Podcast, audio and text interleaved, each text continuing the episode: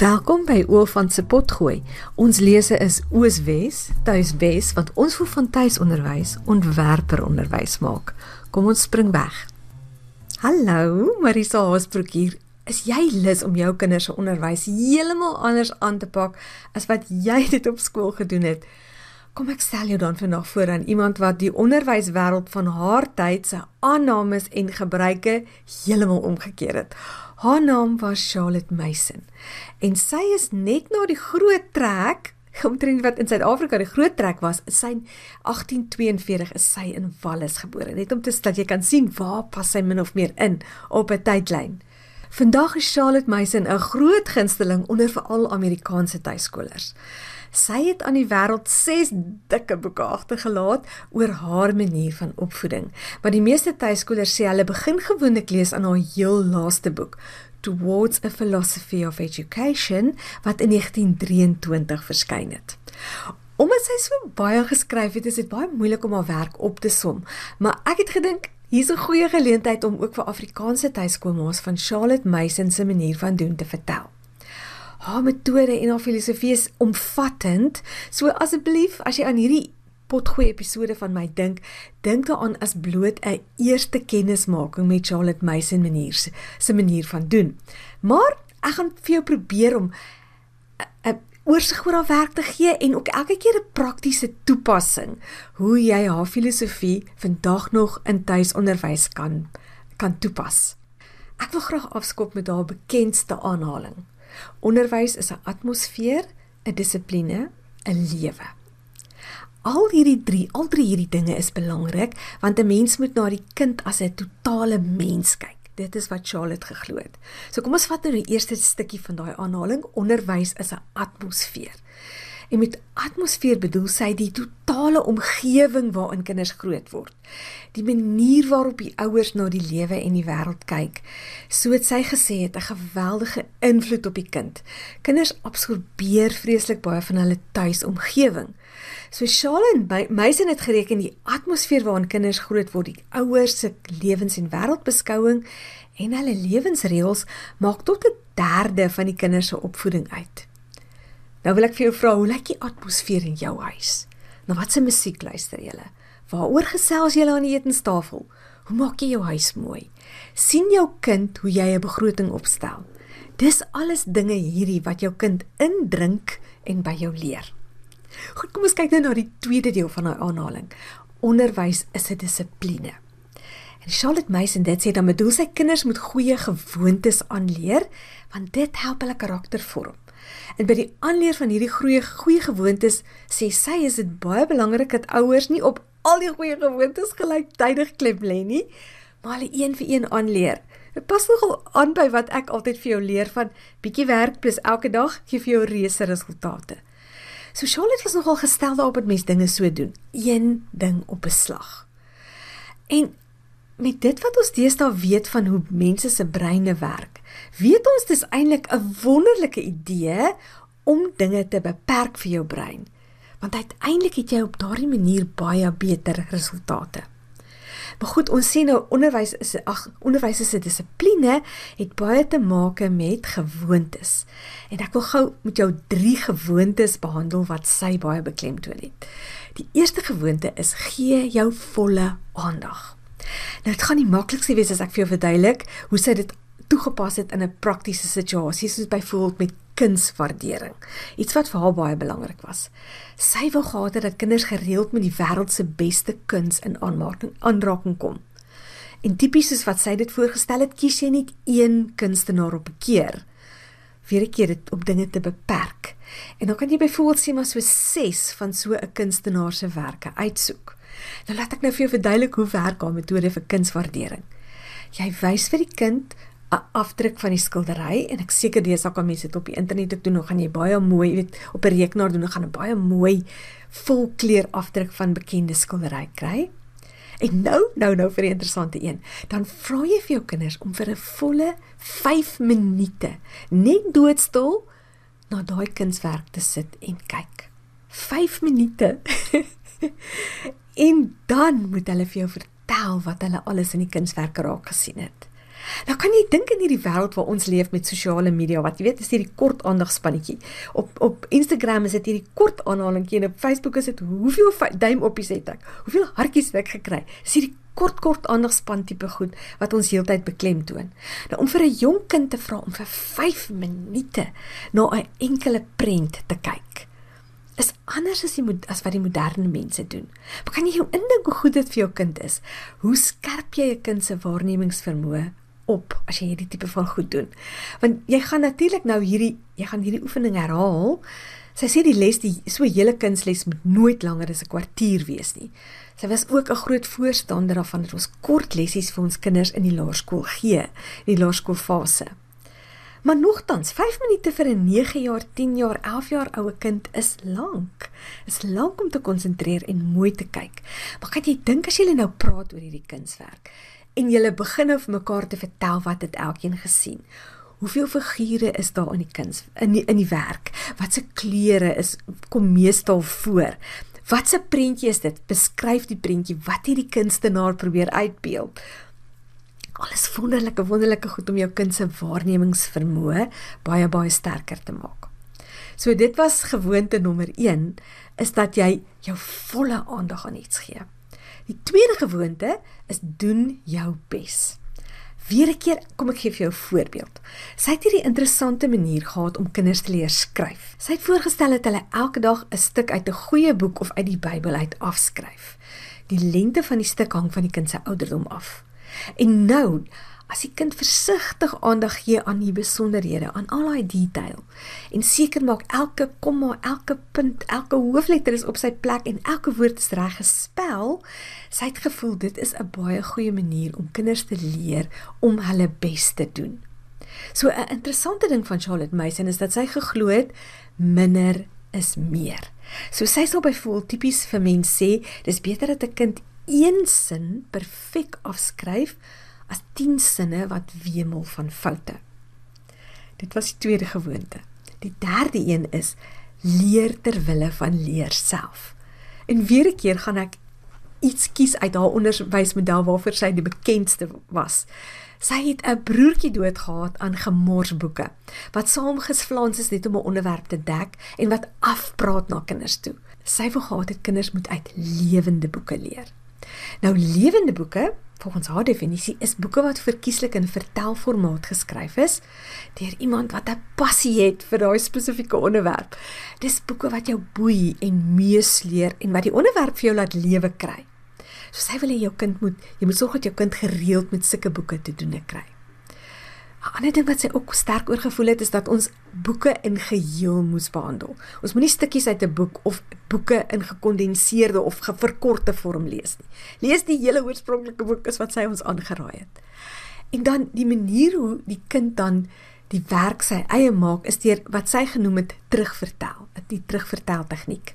Nou hoe dit werk is dat kinders in hulle eie woorde vertel wat hulle in so 'n lewende boek gelees het en op daardie manier lê hulle dit dan vas in hulle geheue. Maar terugvertel het meer funksies as dit. As jy vir 'n kind vra, "Maar wat het jy gehoor? Wat het jy opgeneem uit hierdie stuk wat ons gelees het?" dan vorm hulle self ook nuwe verbande tussen hulle bestaande kennis en die nuwe kennis wat hulle nou opgedoen het. En hulle oefen ryk taal om te praat oor idees wat hulle uit die boek geleer het. As kinders nog baie jonk is tot omtrent so maklik op 11, gebruik mens meestal terugvertelling net mondeling. Maar soos wat hulle ouer raak, kan jy hierdie terugvertel tegniek van Charlotte Mason ook skriftelik doen. En hoorie, 'n mens kan gerus kreatief raak met hierdie terugvertelling, hoor. Jy kan byvoorbeeld die kind iets laat teken of verf as dit 'n kind is wat wat lief is vir teken of verf of selfs iets met klei vorm of hulle kan selfs dit wat hulle geleer het opvoer. So daar's verskillende maniere om hierdie terugvertel te benut. In die volgende pot gooi of twee dalk miskien wil ek 'n bietjie meer oor terugvertel praat. Ek het my eie idees daaroor, ek wil graag dit met jou deel. Maar kom ons kom nou net eers terug na die lewende boeke. Jy weet mos dat ek 'n gratis kursus het begin hier met tuiskool gratis en verniet. En ek gaan in die beskrywing van hierdie potgooi gee ek vir jou 'n skakel na daai kursus toe. En binne in daai kursus is daar die heerlikste leeslys en die leeslys is saamgestel met die hulp van verskeie Afrikaanse tuiskolers. So dit is 'n baie goeie plek vir jou om te begin met lewende boeke in Afrikaans. O ja, ek wil ook sommer nou dadelik sê aan die einde van hierdie pot gooi gaan ek jou ook verwys na 'n paar ander plekke waar jy Afrikaanse hulpbronne kan kry wat op die Charlotte Mason manier geskoei is kon 'n aanhaling waarmee ek begin het wat ek gesê het onderwys dat onder andere gesê onderwys is ook 'n lewe. Nou as sy sê onderwys is 'n lewe nou is dit eintlik meer die akademiese deel van onderwys dan waarna sy verwys. Sy het geglo ons moet ons kinders lewende gedagtes en idees leer en nie droë feite nie. So al die skoolvakke het sy eintlik rondom hierdie beginsel gebou. Eintlik het Charlotte Mason geglo leer en lewe is dieselfde ding. En dan dink ek altyd aan oorlede Leendert van Oosterham. Hy hy moes hierdie vreeslike mooi kragtige stem gehad. En dat hy die manier gehad in in die praatjies wat hy aangebied het vir tuiskolers. Het hy altyd gepraat van die pedagogiese ruimte. maar hy het dit nou grappend bedoel. En dis dis 'n dis 'n begrip wat opvoedkundiges vreeslik graag gebruik. En hoe hulle nou daarna kyk, die pedagogiese ruimte is 'n ruimte wat leeg gemaak is van die alledaagse lewe. Is afgesonder van die alledaagse lewe. En die model, die idee is dan nou dat dit kwansies die een en enigste plek is waar leer kan plaasvind. Dis hierdie beheerde omgewing en dit is die beste plek waar kinders kan leer. Maar Nes Leendert het Charlotte Mason beslis nie met hierdie idee saamgestem nie. So sy wou gehad het kinders moet behalwe vir akademiese vakke moet hulle ook leer om te brei en leer om houtwerk te doen.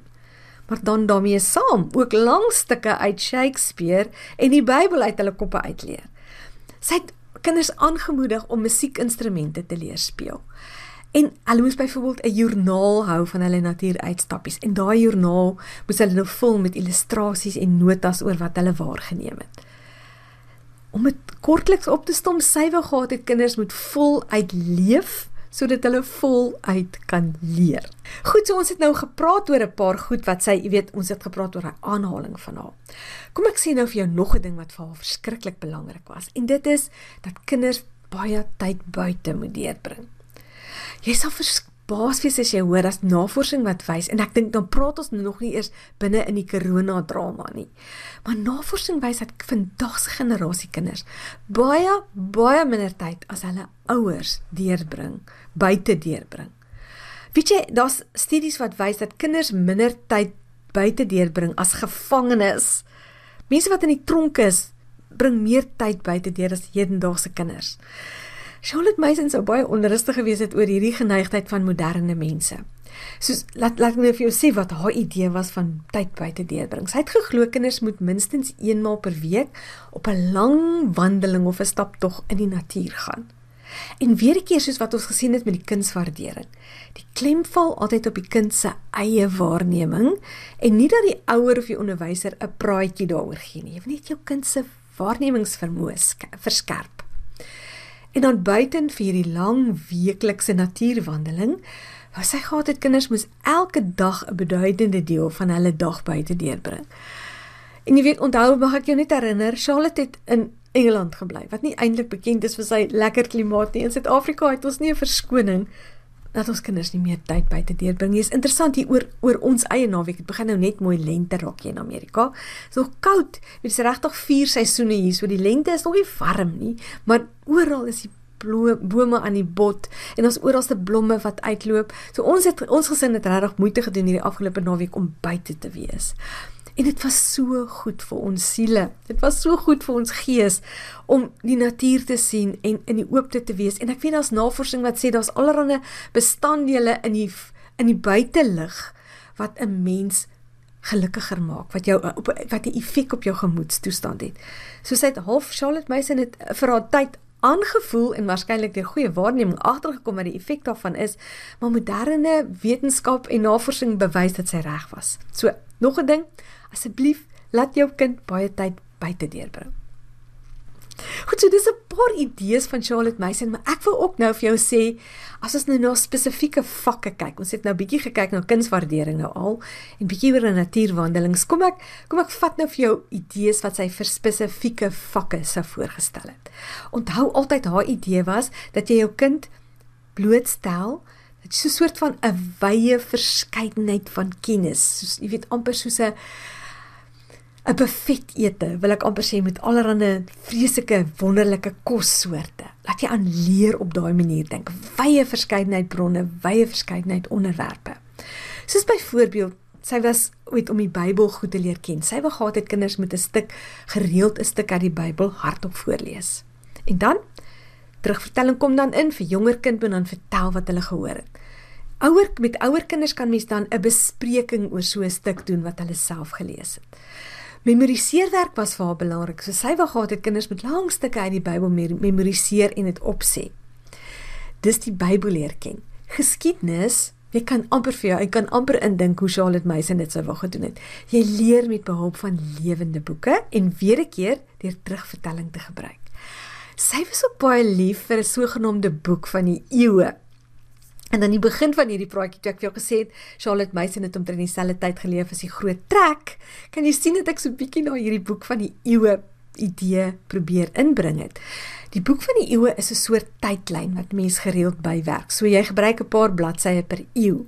En op elke bladsy is daar dan notas oor 'n beroemde persone of gebeure wat in elke eeu plaasgevind het.